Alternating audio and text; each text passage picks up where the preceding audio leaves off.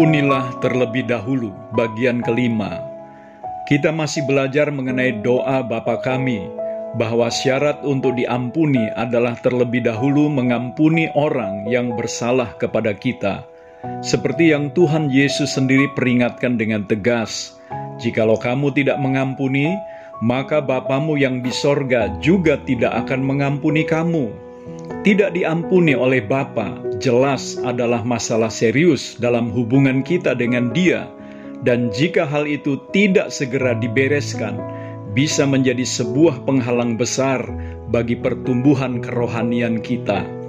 Hari ini kita tiba pada poin yang ketiga tentang bagaimana kita dapat selalu dimampukan untuk mengampuni, yaitu membawa rasa sakit hati kita kepada salib Kristus dan menukarkannya dengan kemurahan yang mengalir dari hatinya.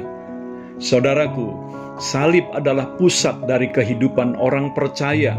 Jika kita mau berbicara tentang kemenangan atas dosa, kekuatan, kasih, kerendahan hati, dan pengampunan, maka kita tidak bisa melepaskan semuanya itu dari salib Kristus yang adalah hikmat dan kuasa Allah.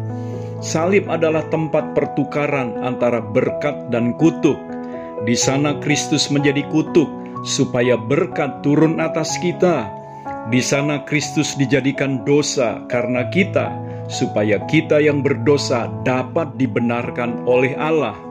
Di kayu salib juga Kristus direndahkan sedemikian rupa supaya melalui kehinaannya kita dimuliakan di hadapan Bapa. Dalam hubungan dengan sakit hati, saya memandang bahwa Kristus mempunyai seribu satu alasan untuk sakit hati kepada mereka yang tidak tahu berterima kasih dan yang telah menyakiti hatinya. Tetapi kalimat pertama yang diucapkannya di kayu salib justru adalah pengampunan kepada mereka yang menyalibkan dirinya. Membawa sakit hati kepada kayu salib berarti menyerahkan sakit hati kita ke dalam dirinya dan mengambil kuasa pengampunan dari dalam dirinya juga untuk mengampuni orang yang bersalah kepada kita. Apakah dasar dari tindakan kita ini? Mari kita membaca Matius 8 ayat 16 dan 17. Menjelang malam dibawalah kepada Yesus banyak orang yang kerasukan setan dan dengan sepatah kata, Yesus mengusir roh-roh itu dan menyembuhkan orang-orang yang menderita sakit.